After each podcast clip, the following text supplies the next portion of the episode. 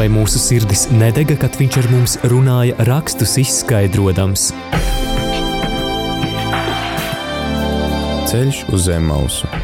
Lauzīsim kopā Dieva vārda maizi, iedziļinoties dažādos bibliskos tematos.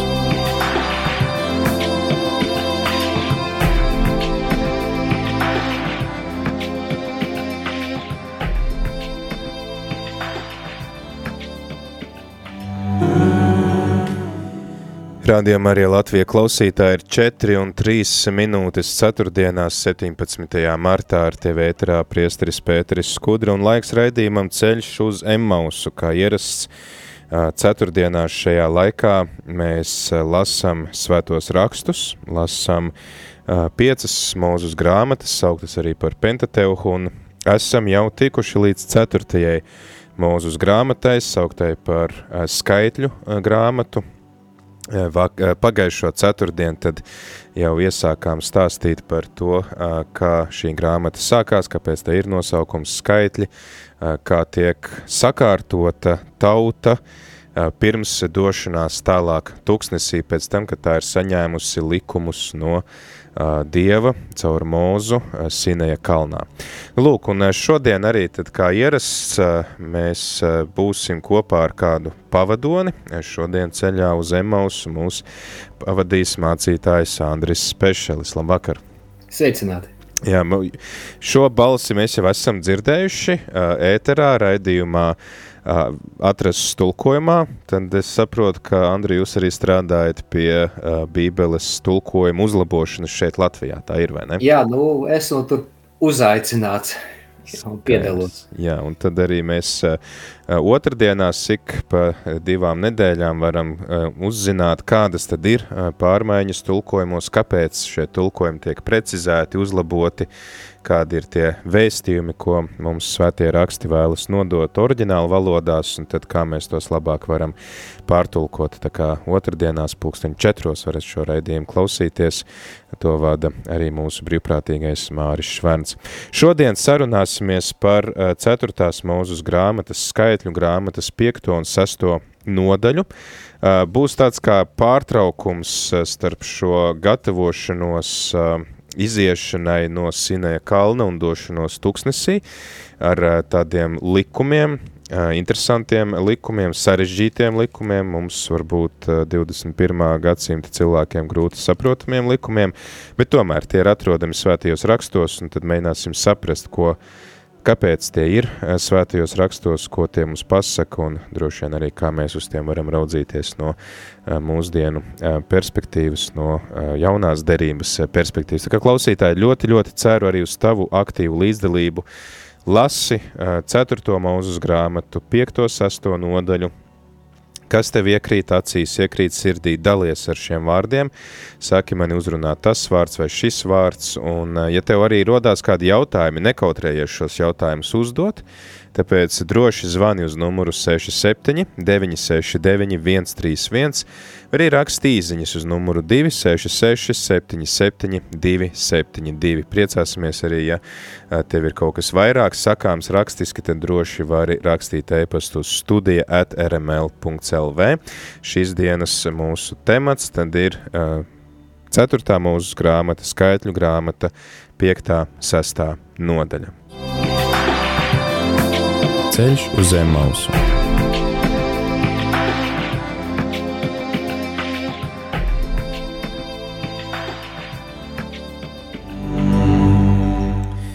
Jā, nu ko, Andri, mēs esam sākuši lasīt jaunu grāmatu, kas saucās skaitļu grāmatu, un tur pirmajās nodaļās tika skaitīti izrēlieši, tika sakārtotas ciltis pa pulkiem, kura cilts kurai seko, kur tur visur pa vidam atrodas arī tas šķirsts, ko viņi nes līdzi, un tad vēl tika izcelti levīti un, un viņu, viņi uzskaitīti un viņu pienākumi. Tad šajā piektajā nodaļā kaut kas pamainās. Sāk, at, it kā atgriežamies atpakaļ li, pie likumiem, kurus mēs lasījām Levītu grāmatā. Tā ir te.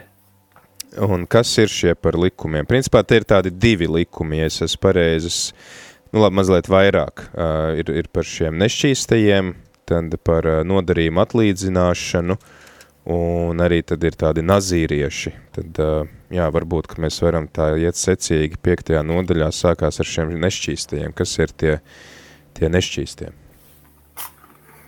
Jā, mēs tad kaut ko lasām, kādus pantus. Varam, varam nolasīt, jā, ka tā tad uh, Mūzus saka, uh, kungs uh, saka Mūzum, pavēl Izraēla dēliem, lai tie izraida no nometnes visus spitālīgos, ikvienu, kam tek, un ikvienu, kas pieskāries mironim, gan vīru, gan sievu izdzen no nometnes, lai tie nepadara nešķīstu nometni, kur viņu vidū mītu es.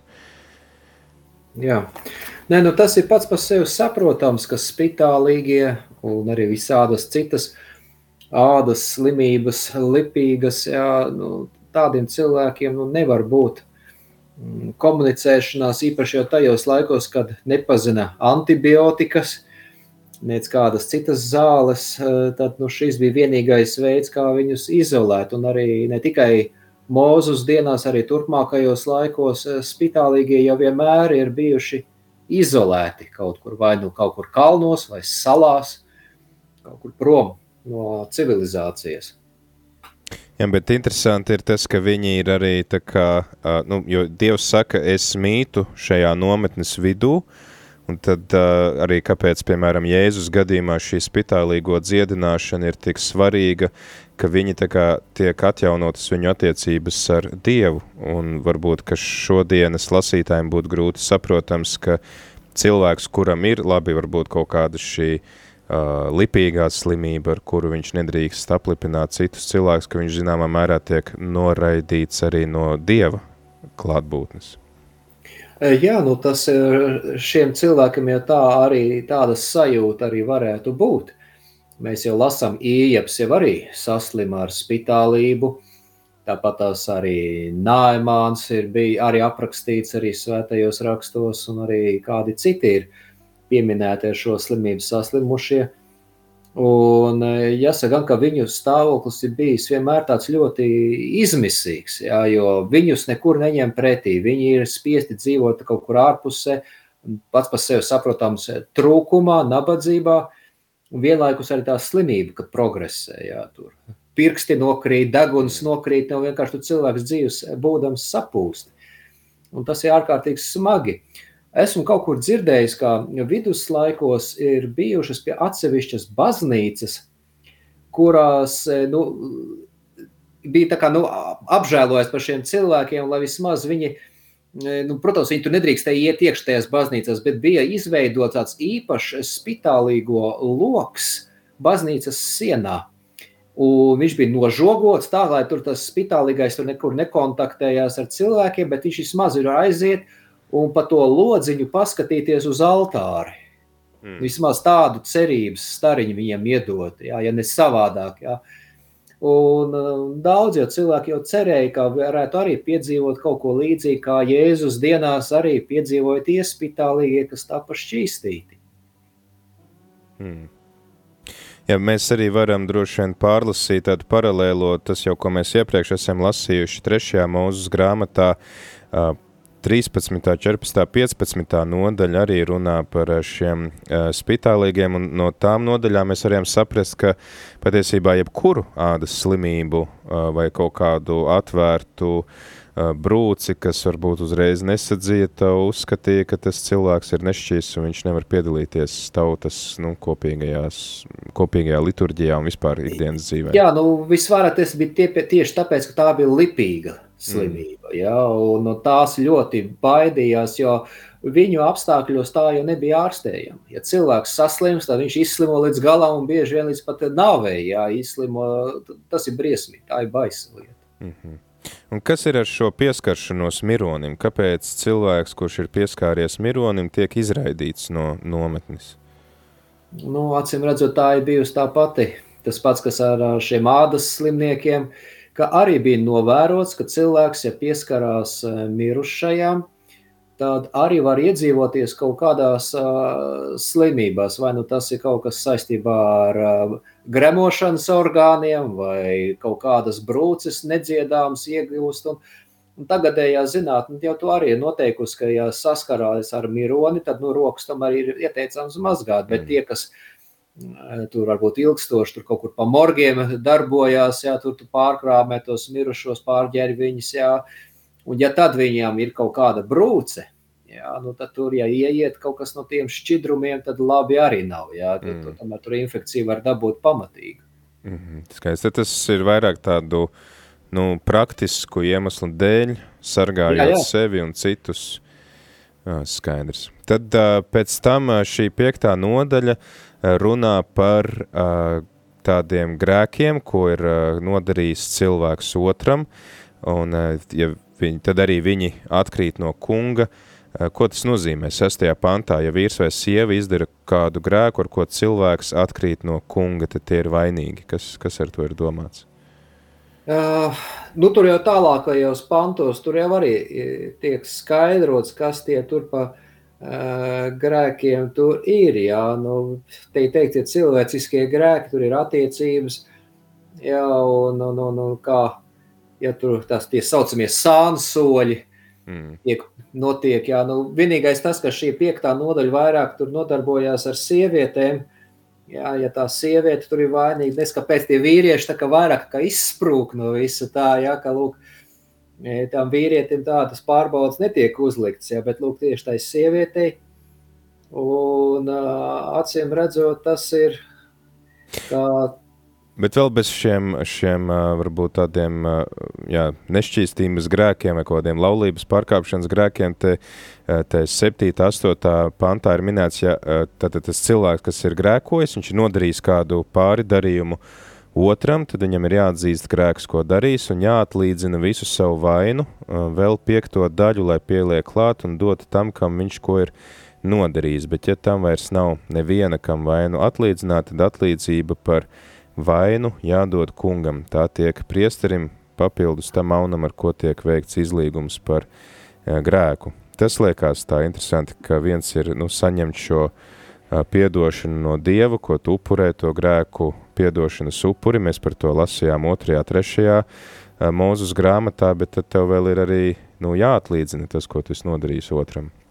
Nu, tas jau būtu tā taisnīgi, bet plus vēl tas, kā tiek atlīdzība arī tur ir. Uh, E, kaut kas līdzīgs bija arī gadījumā ar, ar, ar Caķeju, kur arī aprakstīts, ka viņš arī bija tur muitnieku priekšnieks, un tur satika Jēzu, un tad viņš Jēzu arī solīja kaut ko līdzīgu, kā šeit ir uzrakstīts, ka arī atdot visu, ko viņš ir kādam tur atņēmis, un piemaksāt vēl pat klāt, jā, mm. un, un tad Jēzus arī teica, nu, arī šim Abrahāma dēlam ir, ir pestīšana, Un uh, šis ir tāds uh, veids, kā atlīdzināt tos uh, zaudējumus, kas ir nodarīti otram. Kas te es arī komentāros lasīju, ja nevarēja atlīdzināt pašam cilvēkam, tad vajadzēja atlīdzināt viņa tuviniekiem. Ja arī nebija tuvinieku, tad rekurtē ir tas arī norādījums, ka tad mēs nesam uz templi šo atlīdzību, ka nu, tā ir tāds svarīgs laikam grēku nožēlas princips vecajā derībā ko ir arī laikam pārņēmusi jaunā derība, jo vismaz katoļu tradīcija, ejot uz grēku sūdzi, vēl bez grēku piedošanas, tu saņem arī kaut kādu uzdevumu, ko darīt, lai tā kā atlīdzinātu to, ko tu slikti izdarījis.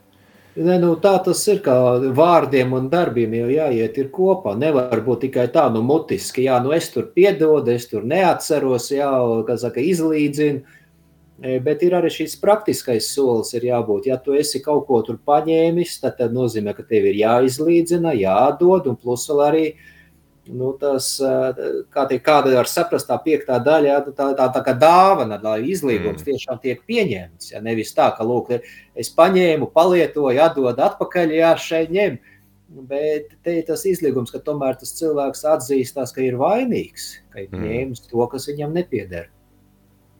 Skaidrs atgādinu klausītājiem, ka šodien ceļā uz Emausu ejam kopā ar mācītāju Andri Pešeli un lasam uh, skaitļu grāmatas 5 un 6 nodaļu.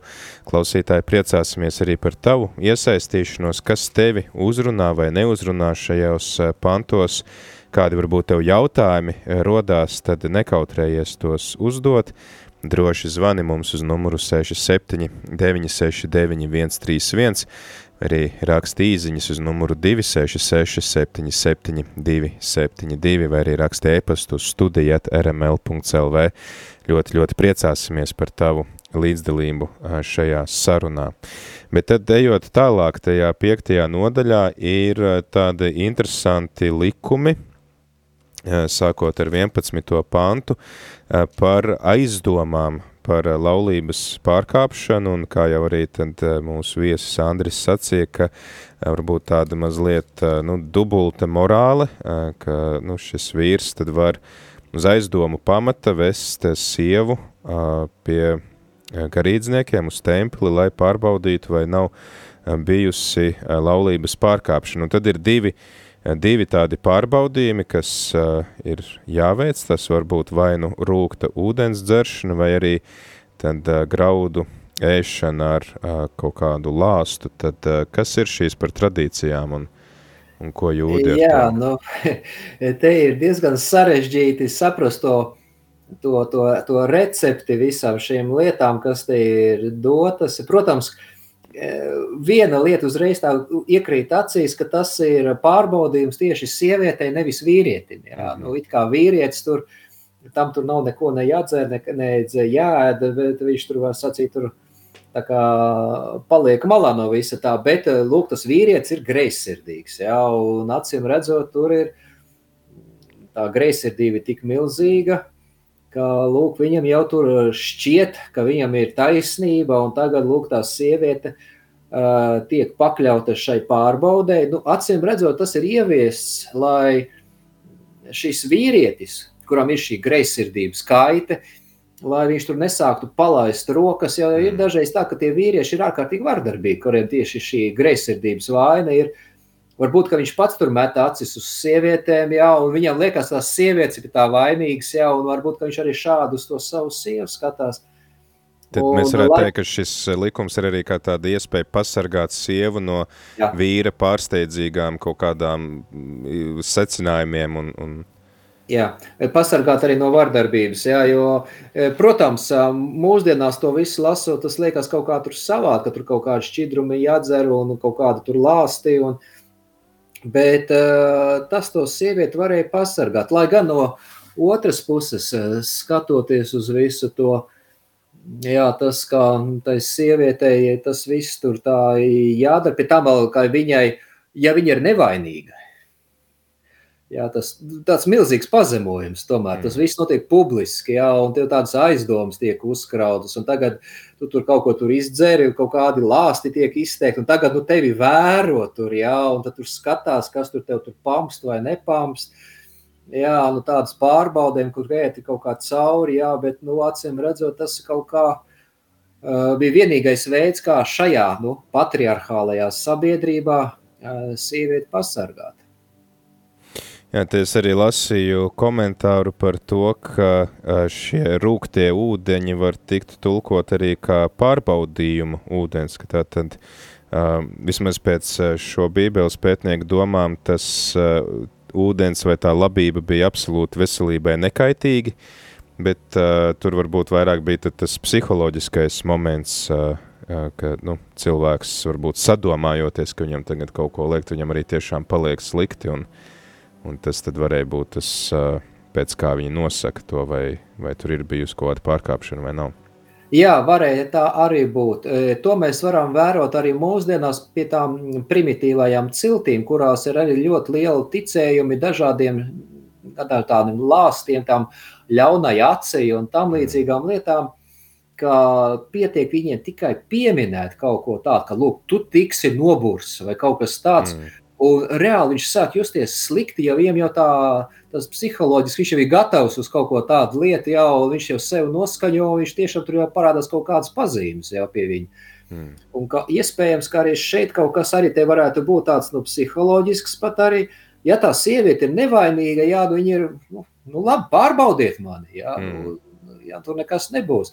Bet ja viņa ir tomēr ir vainīga, nu, tad tur, jā, tur kaut tur šis tas var nākt gaismā.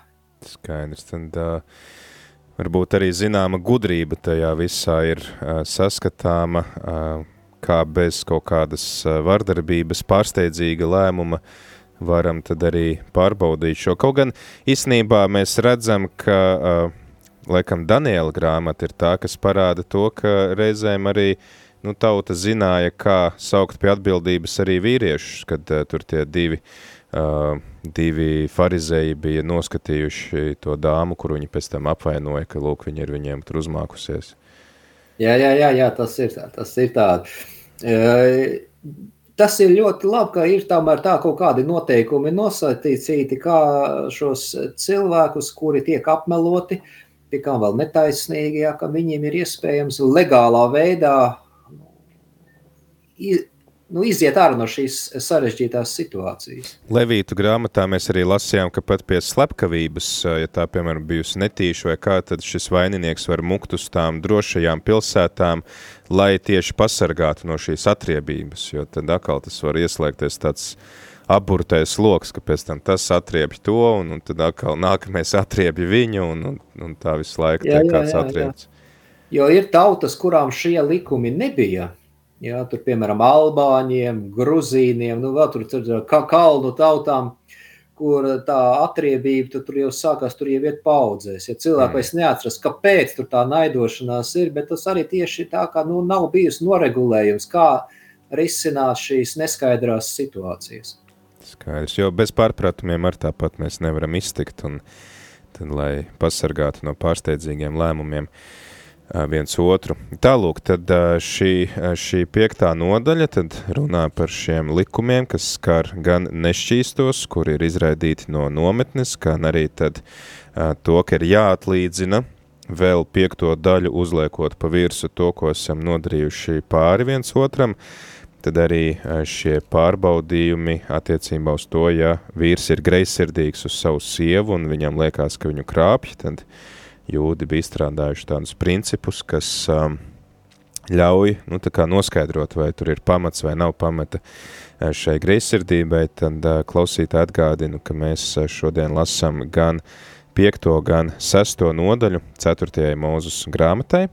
Ķersimies klāt pie sestās nodaļas, runāsim par tādu interesantu cilvēku grupu, kas ir pastāvējusi jūdu vidū, jau kopš šīs likuma došanas, un tad aicinu arī tevi droši iesaistīties, padalies ar to, kas tevi uzrunā, vai kas tev iekrīt acīs, kas tev varbūt ir grūtāk saprotams no šīs rakstu vietas, tad droši zvani 67 969 131, arī raksti īziņas uz numuru 266 77 272.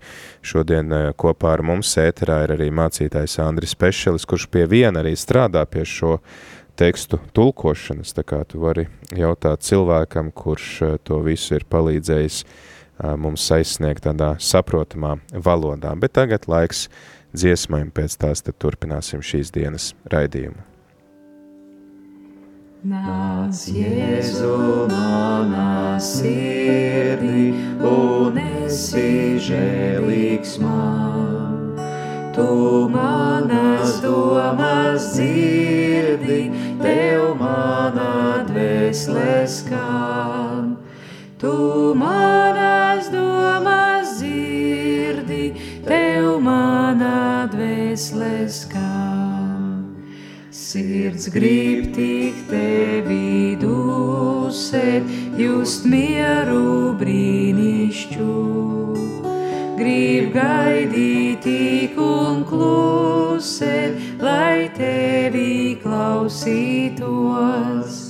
Grib gaidīt tik un klusēt, lai tevi klausītos.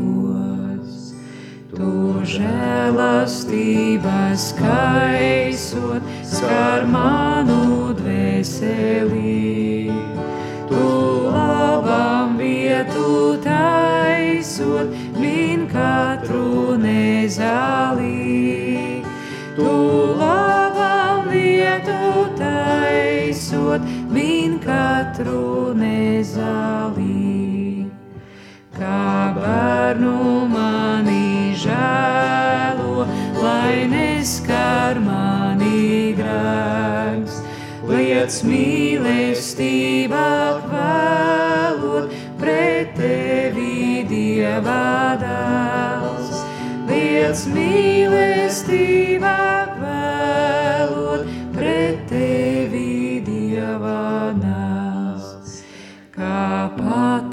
pateikties tev spēšu, mans Jēzu labais Dievs, tev sevi upurēšu, es nabaks grēcinieks. Tev sevi upurēšu, es nabaks grēcinieks. Lai teic un slavē tevi ikvienā radībā par visu, ko man devi un dosi mūžībā.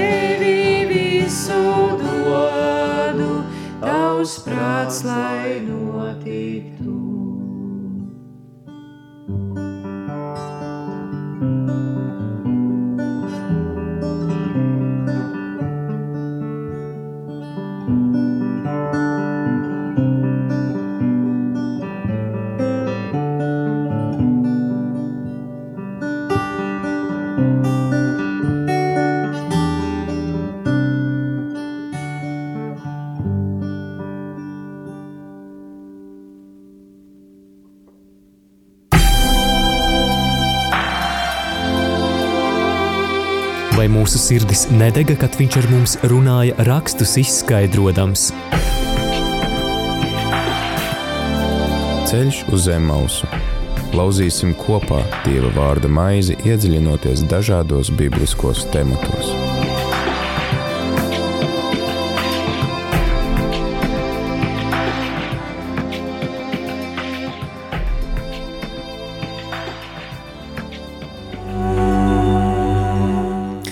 Turpinam mūsu šīs dienas Bībeles pārdomas ceļā uz Emausu kopā ar mācītāju Andri Pešeli.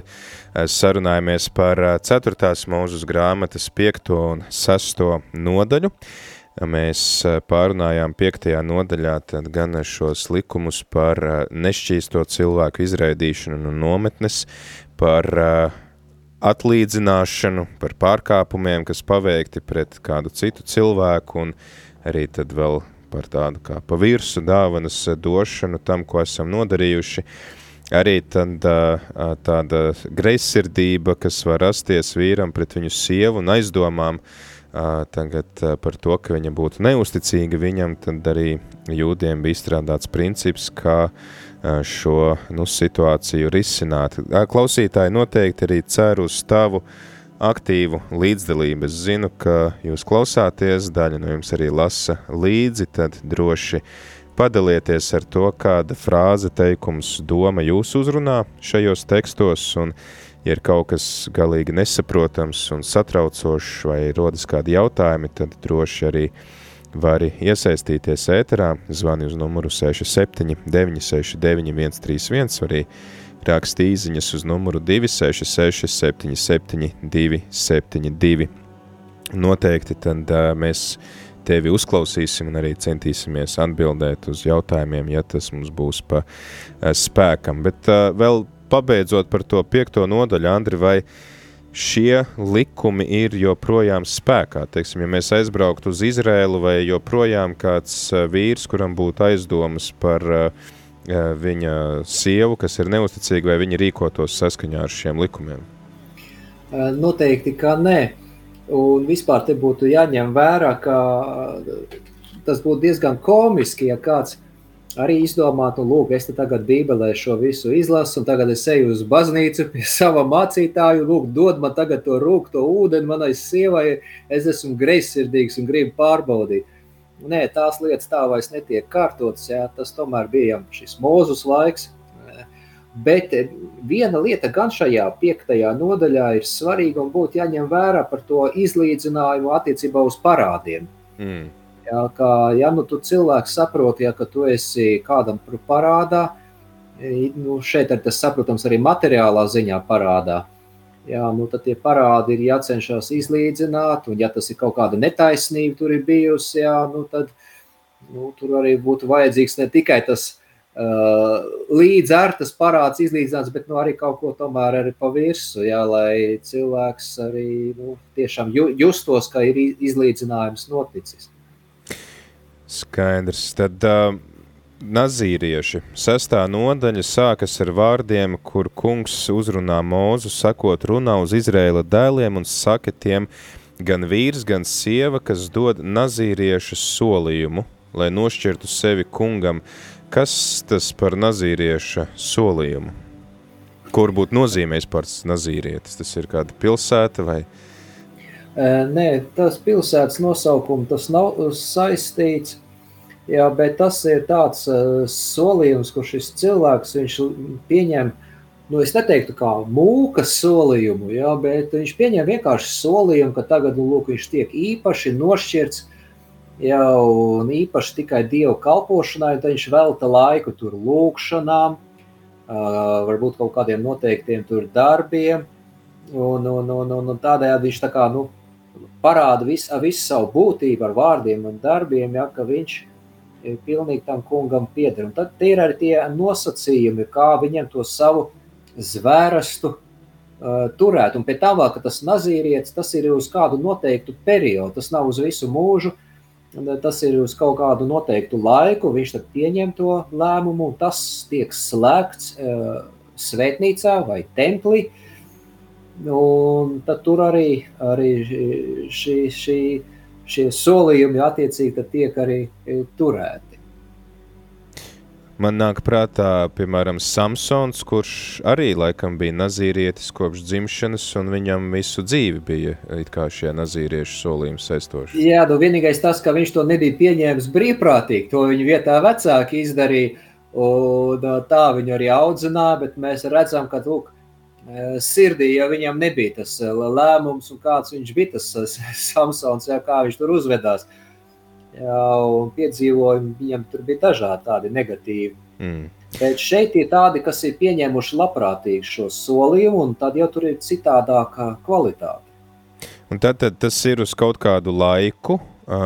Kādi varēja būt tie iemesli, kāpēc cilvēki sevi velta uh, Jā, nu, kā, ko, teiksim tā, ko viņi dara, kad viņi dod šo nazīriešu solījumu? Kādas varēja būt motivācijas un kas tad ir tas, ko viņi dara šī, šī solījuma Motivācija laikā? visbiežāk ir tāda, ka cilvēks ir kaut kādus nu, dzīves parādus sataisījis. Mm. Un tagad viņš to parādu grib ar to kungu izlīdzināt. Iespējams, ka viņš ar cilvēkiem to parādu jau ir izlīdzinājis, bet viņš vēl aizvien jūtās, ka kaut kas nav izlīdzināts. Un, uh, Un tad viņš e, pilnībā nolēma dot šādu īpašu zvērestu kungam, un tad viņš e, izvēlējās noteikti periodu, kā viņš kungam kalpos. Protams, viņš var arī visu mūžu kalpot. Jā, tas arī ir nu, pilnīgi no viņa atkarīgs, bet varbūt kā arī kādu īsāku laiku jau, un tad viņš veids kādus noteiktus e, pienākumus. Visparastāk tas ir saistībā ar svētnīcību, vēlāk ar templi. Mm. Jā, jo laicīgā dzīvē viņš tad acīm redzot piedalās mazāk, bet e, tieši nu, tur varētu būt kaut kādas kalpošanas, kuras tur ir tajā templī, tur saistībā, jā, kas tur varēja būt. Jā, nu, ne tikai e, kalpošana ar lūkšanu, e, bet tur ir arī visādas citas lietas, kas tur ir bijusi darāmas. Un darāmā jau tur vienmēr ir bijis daudz. Jā, tur malka tur ir, tur ir drēbes jāmazgā, vēl viss kaut kas tur jālabo, jāšuj. Un tad viņš tur tādu brīvprātīgu kalpošanu ir uzņēmies. Vai šie nazīrieši varētu būt tie paši, par ko runā trešās mūzes grāmatas pēdējā nodaļa par šiem solījumiem, veltījumiem, kur cilvēki arī kā velta sevi, un tad viņi var sevi izpirkt, ja viņi saprot, ka viņi nu, par daudz varbūt ir tur nolēmuši to laiku veltīt? Uh, tur tā lieta viņiem bija samērā no vienas puses vienkārša, no otras puses diezgan komplicēta. Ja, tomēr tā ir bijusi sena sabiedrība, un viņiem bija sava noteikta kārtība, savu uh, tie likumi, kā viņi to visu tur ir centušies kārtot un darīt. Taču, ja mēs runājam par šiem nazīriešiem, tad pirmkārt viss tāds lielākais ir uzsvars ir uz to solījumu. Mm -hmm. Solījums ir jātur, solījums ir svēts, Un, ja cilvēks tā grib īpaši būt izlīdzināts ar Dievu, lai viņa grēki ir ciecīgi, tiešām izlīdzināti un, un uh, piedzīvot nu, to, ko mēs sakām, svētums, jā, tad uh, šis nazīriešu solis vismaz viņa laikam ir bijis nu, atbilstošs. Kas ir arī interesanti, šie nu, tādi skarbie noteikumi, ka no trešā panta mēs lasām, lai atturas no vīna un skurbiem dzērieniem, lai nedzer ne vīna, ne skurba dzēriena etiķi, lai vispār nedzer vīnogu sulu, nēd ne svaigas, ne žāvētas vīnogas visu savu nošķirtības laiku, lai nēd neko, kas gatavots no vīnogām, no to sēklām vai mizām, un tad arī, lai viņu galvu visu šo laiku neskar skuveklis. Uh, nu, vīn, saprotams, ir vīns, alkohols, tas arī, teiksim, šodien daudziem ir kā tāds gandaras veids, bet pašas vīnogas un vai kāpēc arī, teiksim, šī matu neskūšana, ko tas nozīmē? E, jā, nu tas ir noslēpums, jā, jo te atliek tikai minēt un minējumi jau ir attiecībā uz to, kāpēc e, šādi viņi e, izlēmē, ka tos vīnogus viņi tur neaiztikt pilnībā un nemaz. Jā, man varbūt tāda pilnīga atbilde uz to nebūs, un es arī tādu pilnīgu atbildi neatrodu arī kādos tādos komentāros vai skaidrojumos. Jā, mhm. jo tur ir tikai minējumi. Viens nu, par to alkoholu, un tiešām tur ir skaidrs, jā, jo arī divi no Ārona dēliem gāja bojā dēļ tā, ka viņi tur arī bija ieskurbuši un gāja tur kalpot pie altāra, un tad tas viņam beidzās diezgan bēdīgi. Bet eh, nu, šeit ir Vēl jau vairāk tas, ka mēs jau gribam to sasaistīt ar to piemiņas mīlestību, kuru Jēzus iedibināja, jā, tur to vakarēdienu. Un tur bija gan tā maize, gan tas vīns, un, un Jēzus tā it kā pret vīnu neko izteicies nebija. Bet šis ir senāks laiks, šis ir pirms Jēzus.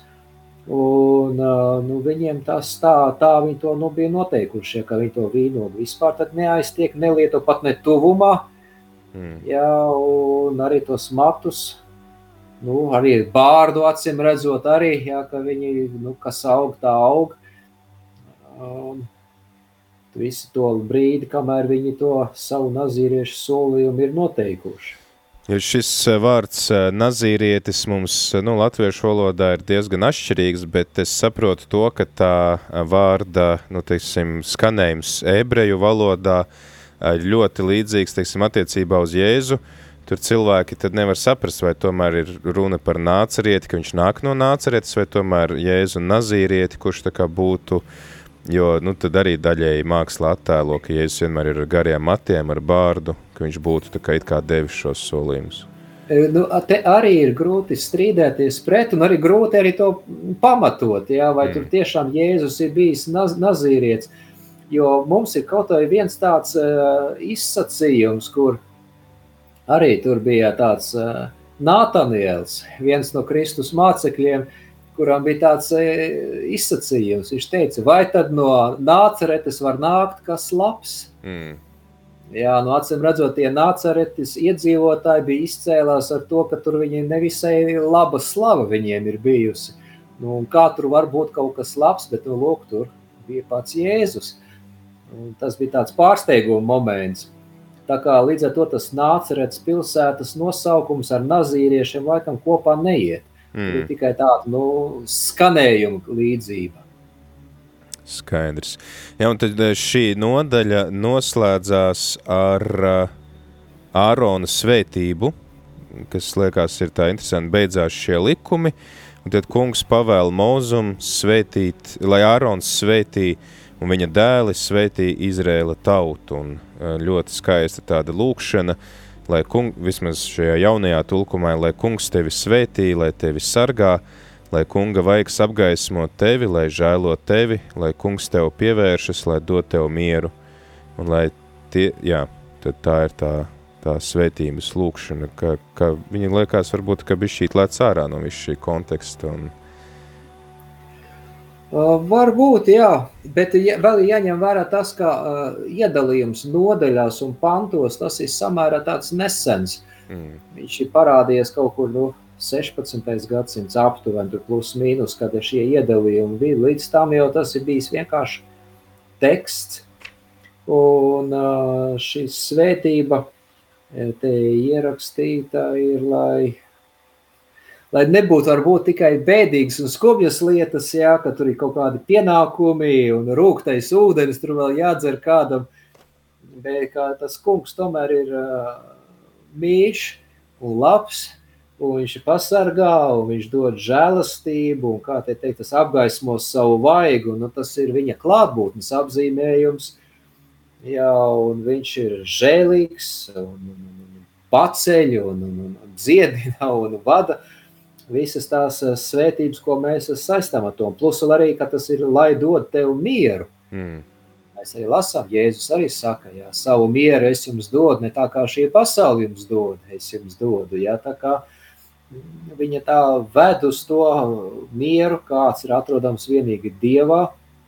Tādēļ šai svētībai ir ārkārtīgi liela vērtība, kas baznīcā ir visos laikmetos, pat visās konfesijās. Jā, es pat nezinu, nevienu konfesiju, kur būtu atteikusies no šīs lūkšanas. Visiem viņi patīk, jā, un, un, un, un tā arī tiek lūgts. Arī jā, tādos īpašos brīžos, pat paceļot rokas, svēto draugu, un, un tiek skaitīts šī, šī svētība lūkšana, un, un, un cilvēki to uztver kā tādu lielu vērtību.